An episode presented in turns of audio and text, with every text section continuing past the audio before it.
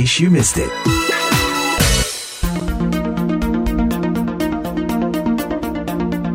Dalam laporan tahunannya yang diterbitkan April ini, sebuah komisi di Amerika, Komisi untuk Kebebasan Beragama Internasional atau US Commission on International Religious Freedom, disingkat USCIRF, merekomendasikan agar Departemen Luar Negeri Amerika memasukkan Indonesia ke dalam daftar negara pantauan khusus karena berdasarkan penelitiannya, Indonesia dianggap masih terlibat atau membiarkan pelanggaran-pelanggaran berat terhadap kebebasan beragama seperti termuat dalam Undang-Undang Kebebasan Beragama Internasional atau International Religious Freedom Act, IRFA. USCIRF yang berbasis di Washington DC menyampaikan berbagai rekomendasi, di antaranya meminta Departemen Luar Negeri Amerika bekerja sama dengan Kementerian Pendidikan dan Kebudayaan untuk memasukkan program-program tentang toleransi dan inklusivitas ke dalam mata pelajaran wajib, yakni pendidikan agama. Sementara itu, dalam siaran persnya tertanggal 29 September 2020, Setara Institute yang berbasis di Jakarta menyatakan insiden pelanggaran kebebasan beragama berkeyakinan atau KBB dan ekspresi intoleransi menunjukkan peningkatan intensitas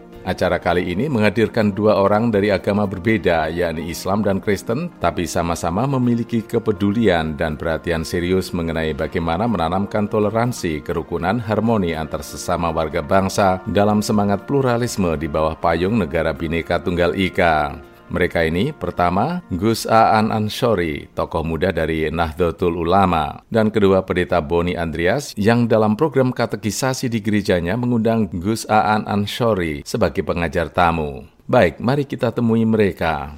Mungkin ada tambahan. Pertama, Gus Aan, silakan. Iya, Mas. Saya terima kasih diundang di sini karena bagaimanapun juga media itu sangat penting terutama untuk mengkampanyekan baik itu hal yang positif maupun yang negatif. Tapi VOA ini yang positif saya kira dan saya secara personal mengucapkan terima kasih telah diundang di sini untuk berbincang-bincang mengenai soal pluralisme dan masa depan kebinekaan di Indonesia, Mas. Pak Boni, silakan Pak. Ya, Mas Tri, terima kasih. Dan saya menyapa juga kawan-kawan yang mungkin ikut mendengarkan. Saya kira saya di GKI, basis pelayanan saya di GKI Pondok Indah. Sebelumnya saya melayani di GKI Ciledug Raya, gereja kecil yang pernah mengalami konflik juga berkaitan dengan rumah ibadah. Saya melayani di sana sekitar 10 tahun lebih dan saya juga menjabat sebagai wakil sekretaris umum di GKI Sinode Wilayah Jawa Tengah. Mungkin itu saja Mas Tri. Baik, ya. terima kasih. Mulai dengan Pendeta Boni ya. Bisa dijelaskan secara singkat tentang apa itu katekisasi? Karena topik kita kali ini nanti mengenai katekisasi dan tentu saja kita jabarkan dengan kerukunan, hidup bersama, toleransi dan sebagainya. Singkat saja, katekisasi. Katekisasi, katekese gitu ya. Bahasa sederhananya adalah sebuah masa pembelajaran katekisasi itu dilakukan untuk orang yang mau jadi Kristen. Artinya orang-orang anak-anak yang sudah dibaptis, anak-anak yang ingin masuk ke dalam pengakuan percaya atau CD menjadi anggota gereja, katakanlah begitu yang dewasa, atau anak-anak yang belum baptis tadinya dan ingin baptis dewasa, atau juga orang-orang yang tertarik untuk belajar kekristenan dan menjadi Kristen, itu syaratnya harus ikut katekisasi. Di GKI itu sekitar 9 sampai 12 bulan prosesnya. Setiap minggu kelasnya. Lalu kemudian katekisasi ini berisi konten-konten yang beragam. Biasanya standarnya adalah konten-konten dasar-dasar keimanan Kristen. Lalu mereka juga harus belajar tentang bagaimana menjadi anggota masyarakat. Kira-kira begitu, Mas Tri. Prosesnya cukup panjang. Apa yang melatar belakangi gagasan Pendeta Boni untuk bisa mengundang orang luar dari agama yang berbeda dan iya. bahkan punya latar belakang pesantren yang kental tadi? Jadi saya tidak menyebut saya pribadi ya, Mas Tri. Artinya keputusan ini adalah keputusan lembaga, lembaga gereja yang di dalamnya ada majelis jemaat. Jadi kami dimulai dari yang disebut Majelis Jemaat Bidang Pembinaan Umum yang membawahi menaungi katekisasi. Kami membicarakannya dengan sungguh bagaimana kami harus memasukkan pendidikan kewarganegaraan dalam tanda petik pendidikan kebinekaan, mengenal gereja harus berfungsi seperti apa di dalam masyarakat. Lalu kami juga memetakan asumsi prasangka, konflik yang muncul sehingga kami harus dalam tanda petik berusaha untuk membuat katekisan menjadi Kristen tetap tetapi Indonesia. Jadi kenapa kami melakukan itu? Karena basis kami jelas gereja Kristen Indonesia. Jadi orang Indonesia yang beragama Kristen. Sehingga kami bukan hanya mengajari mereka Kristen, tetapi kami juga harus mengajari mereka menjadi Kristen Indonesia. Utamanya itu, Pak. Reaksinya seperti apa dari jemaat atau mungkin dari majelis gereja itu? Saya kira karena kami membicarakan segala kemungkinan, kami mempersiapkan diri juga dengan reaksi dari umat, dari orang tua katekisan, apalagi katekisan ini juga banyak yang masih belia ya, masih usia 15 tahun, 14 tahun, dan beberapa ketakutan memang ada yang disampaikan kepada kami. Nanti kalau dia malah nggak kuat kekristenannya bagaimana? Justru kamu menjadi Kristen yang sejati seperti Yesus, yang bersahabat dengan begitu banyak orang dan perbedaan yang ada. Jadi di situlah titiknya. Dan kami melakukannya bukan hanya dengan Gus Aan, tetapi kami juga melakukan visitasi. Pernah di kelas katekisasi 2-3 tahun yang lalu itu kami melakukan visitasi ke gereja lain. Sebab konflik itu kan biasanya terjadi bukan hanya antar agama, tetapi juga antar gereja, antar institusi di dalam sebuah agama. Sehingga kami mengunjungi gereja ortodok, gereja katolik, kami juga di Sinode Wilayah GKI khususnya kami juga pernah melakukan camp lintas iman. Jadi kami hidup bersama di sebuah tenda lalu kami mengunjungi pura, mengunjungi wihara dan itu menjadi sebuah ziarah yang menarik begitu ya, persiarahan perjumpaan. Kira-kira iya. demikian Mas. Mengenai pemateri katekisasi ini suatu terobosan yang mungkin sulit dimengerti bahwa orang yang diminta ini berlatar belakang pesantren. Bagaimana Gus reaksi Anda hmm. sebagai orang muslim sejati memberikan katekisasi di gereja iya, Kristen. Iya, sebenarnya ini kan bukan yang pertama kali ya, sudah dua atau tiga kali di gerejanya Pendeta Boni, tapi di gereja GKI yang lain saya juga melakukan itu. Dan waktu dikontak kemudian saya senang, tapi awal pertama itu saya cukup kaget ya, cukup kaget itu sebenarnya ini yang saya inginkan, tetapi ketika berkah itu datang, saya menyebutnya berkah karena saya punya reasoning yang berbeda menyangkut bagaimana harusnya beragama itu diajarkan yang tidak konvensional. Jadi ketika berkat itu datang di kontak begitu, kemudian saya mikir loh, ini serius tak ini orang-orang. Apa nggak takut? Karena seperti yang tadi Mas Tri sampaikan, apa nggak takut? Karena biasanya kan orang belajar agama tertentu, misalkan saya Islam, kan dididik untuk mencintai Islam dengan cara menegasikan agama yang lain. Itu sudah sangat common seperti itu. Dan itu dianggap sebagai sebuah kebenaran yang pada titik tertentu pada hari ini itu akhirnya mendorong orang semakin orang itu berislam katakanlah maka semakin ia tidak toleran dengan yang lain. Semakin ia Kristen sangat mungkin ia semakin tidak toleran dengan yang lain karena apa? Karena tidak diajari bagaimana agama yang lain.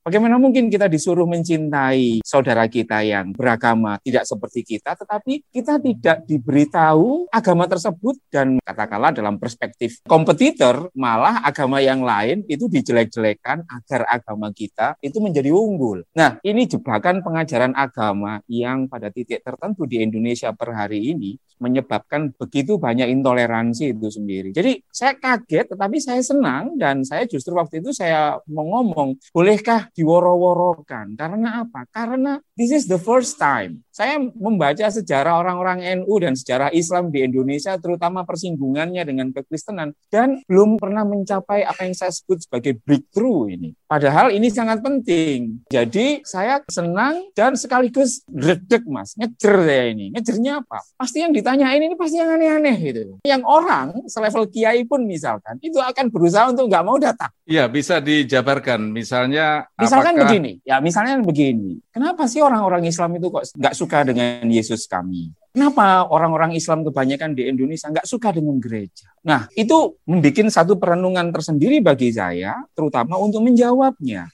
Jawabannya kan cuma ada kira-kira ada tiga saja, Mas. Jawaban apa pun ya, cuma ada tiga. Pertama, denial. Denial itu dengan mudah saya akan ngomong, oh Islam nggak seperti itu, itu bukan Islam. Padahal yang ngebom dan kemudian bakari gereja-gereja ya KTP-nya orang Islam. Jadi denial. Kalau denial, saya seperti membodohi diri saya sendiri dan membodohi audien. Yang nomor dua, itu yang agak mendingan, itu melakukan rasionalisasi.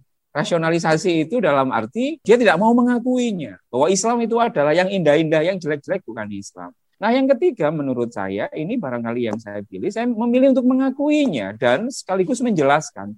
Begini loh, kenapa kok sebagian dari kami katakanlah masih sangat gens terhadap kekristenan itu gara-garanya seperti ini. Padahal di ajaran kami itu seperti ini, tetapi ditafsiri seperti ini karena ini, ini, ini, ini, ini. Nah, ketika saya jawab seperti itu, harusnya kan saya malu, Mas. Tetapi saya mengatakan kalau nggak jujur, percuma. Karena apa? Karena justru dari kejujuran itu kemudian ternyata bukan cemoohan yang saya terima dari teman-teman Kristen, terutama di GKI, malah mereka jadi paham. Oh gitu tak Gus. Jadi aku paham, kenapa kok seperti itu. Akhirnya mereka bisa memilih, Mas. Mereka bisa melihat, oh ini yang katakanlah cara pandang klasik, oh ini orang dengan cara pandang yang kekinian, dan saya harus menempatkannya seperti apa.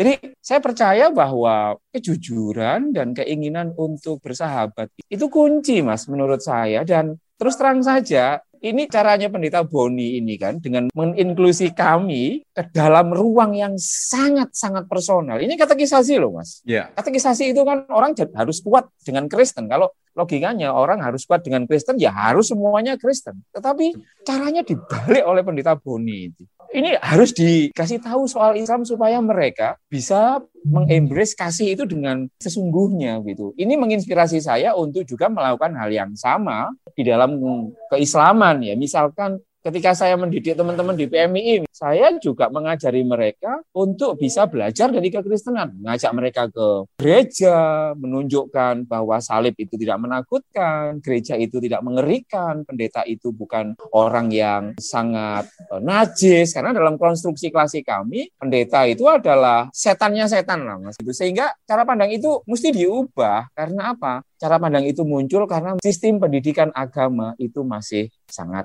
homogen, tidak heterogen. Mungkin bisa cerita sedikit Gus, reaksi teman-teman Gus. Reaksi soal apa Mas? Soal menjadi narasumber dalam katekisasi. Tapi saya selalu berusaha untuk terbuka. Media sosial saya adalah jendela bagi saya untuk melakukan apa yang saya sebut sebagai transparansi dan public accountability. Jadi semuanya saya posting. Mereka banyak sih Mas yang mengapresiasi. Oh keren, gimana ini? Akhirnya mereka mikir, Gimana ini caranya? Apa yang akan kamu lakukan di sana begitu. Padahal saya di sana itu sebenarnya seperti orang yang sedang defend disertasi, Mas. Bayangkan kalau disertasi itu kan cuma dihajar cuma 4 5 orang dokter-dokter. Enggak saya ini. Saya ini duduk di depan saya ini 50-an anak katekisan yang sangat pure dan sangat murni. Saya juga menjelaskan ke komunitas saya di Islam bahwa yang saya lakukan seperti ini, yang saya lakukan bahkan di beberapa acara yang mirip seperti yang dilakukan pendeta Boni itu saya minta videonya, saya upload supaya teman-teman muslim itu juga paham bisa menjawab begini loh kalau ditanyai sesuatu yang sangat sensitif itu seperti ini. Misalkan begini, saya ditanya itu berkali-kali. Oh, bagaimana pandangannya soal pacaran beda agama, perkawinan beda agama dan lain sebagainya.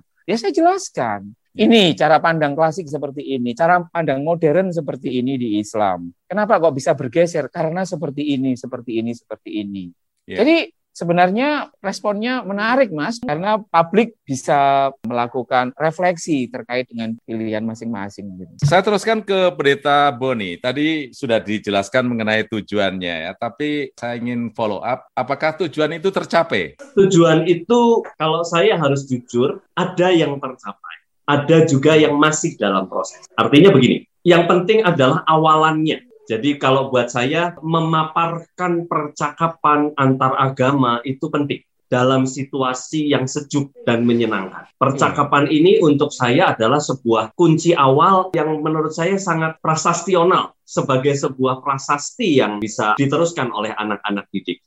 Biasanya yang lahir karena peran media yang kadangkala melebihkan soal konflik antar ya. agama itu membuat asumsi, lalu menimbulkan prasangka Lalu media internet yang kadang-kadang percakapannya luar biasa termasuk di kolom komentar sering kali ada makian ini, pertanyaan ini dan sebagainya. Lalu kemudian buat saya memaparkan persahabatan bersama dengan agama lain itu adalah sebuah langkah awal langkah awal yang harus diteruskan oleh anak-anak. Anak-anak waktu itu sangat mengapresiasi, bahkan saat Gusaan memimpin katekisasi lalu didengar oleh beberapa orang di komisi dewasa dan di komisi lansia, mereka protes ke saya, loh kok aku nggak diundang, kok aku nggak ikut, aku ya pengen denger. Nah, dalam rangka itu saya mengatakan program ini cukup berhasil sehingga program ini akan dilanjutkan. Jadi itu hal yang juga dalam rangka tertentu saya nggak mau banyak ngomong tapi edukasi. Saya menjadi pendeta ya. itu bukan pendeta GKI, tetapi saya menjadi pendeta adalah pendeta Indonesia. Sehingga ya. Gus Aan mewakili Indonesia untuk bisa bersahabat dengan saya seorang pendeta. Kira demikian, Mas Tri. Gus.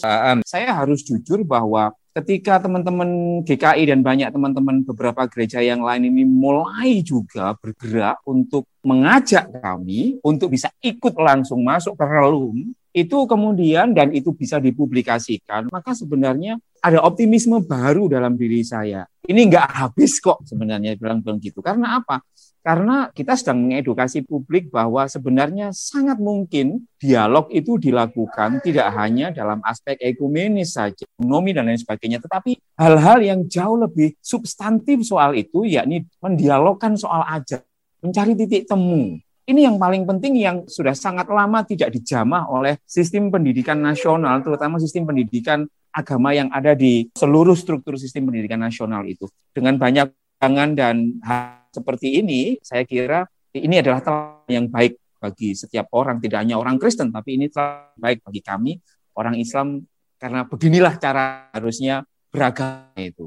Pak Pendeta Boni? Optimisme kalau saya dari perspektif gereja, saya optimis kami perlu mulai melakukan tindakan nyata, tidak lagi membicarakan, tetapi kami perlu untuk membuka ruang persahabatan. Dan kadang mungkin nggak perlu dengan cepat menemukan titik temu, kadang ya. bersahabat itu bisa dalam kerangka agree to disagree. Jadi kita bisa duduk bersama, ngopi bersama, berbicara tentang agama kita tanpa harus agree begitu, tapi kita bisa menjadi sahabat. Di situlah letak persahabatan yang kami sedang upayakan dengan banyak agama di Indonesia. Terima kasih. Terima kasih banyak untuk Gus Aan dan Pendeta Boni. Terima kasih. Terima kasih.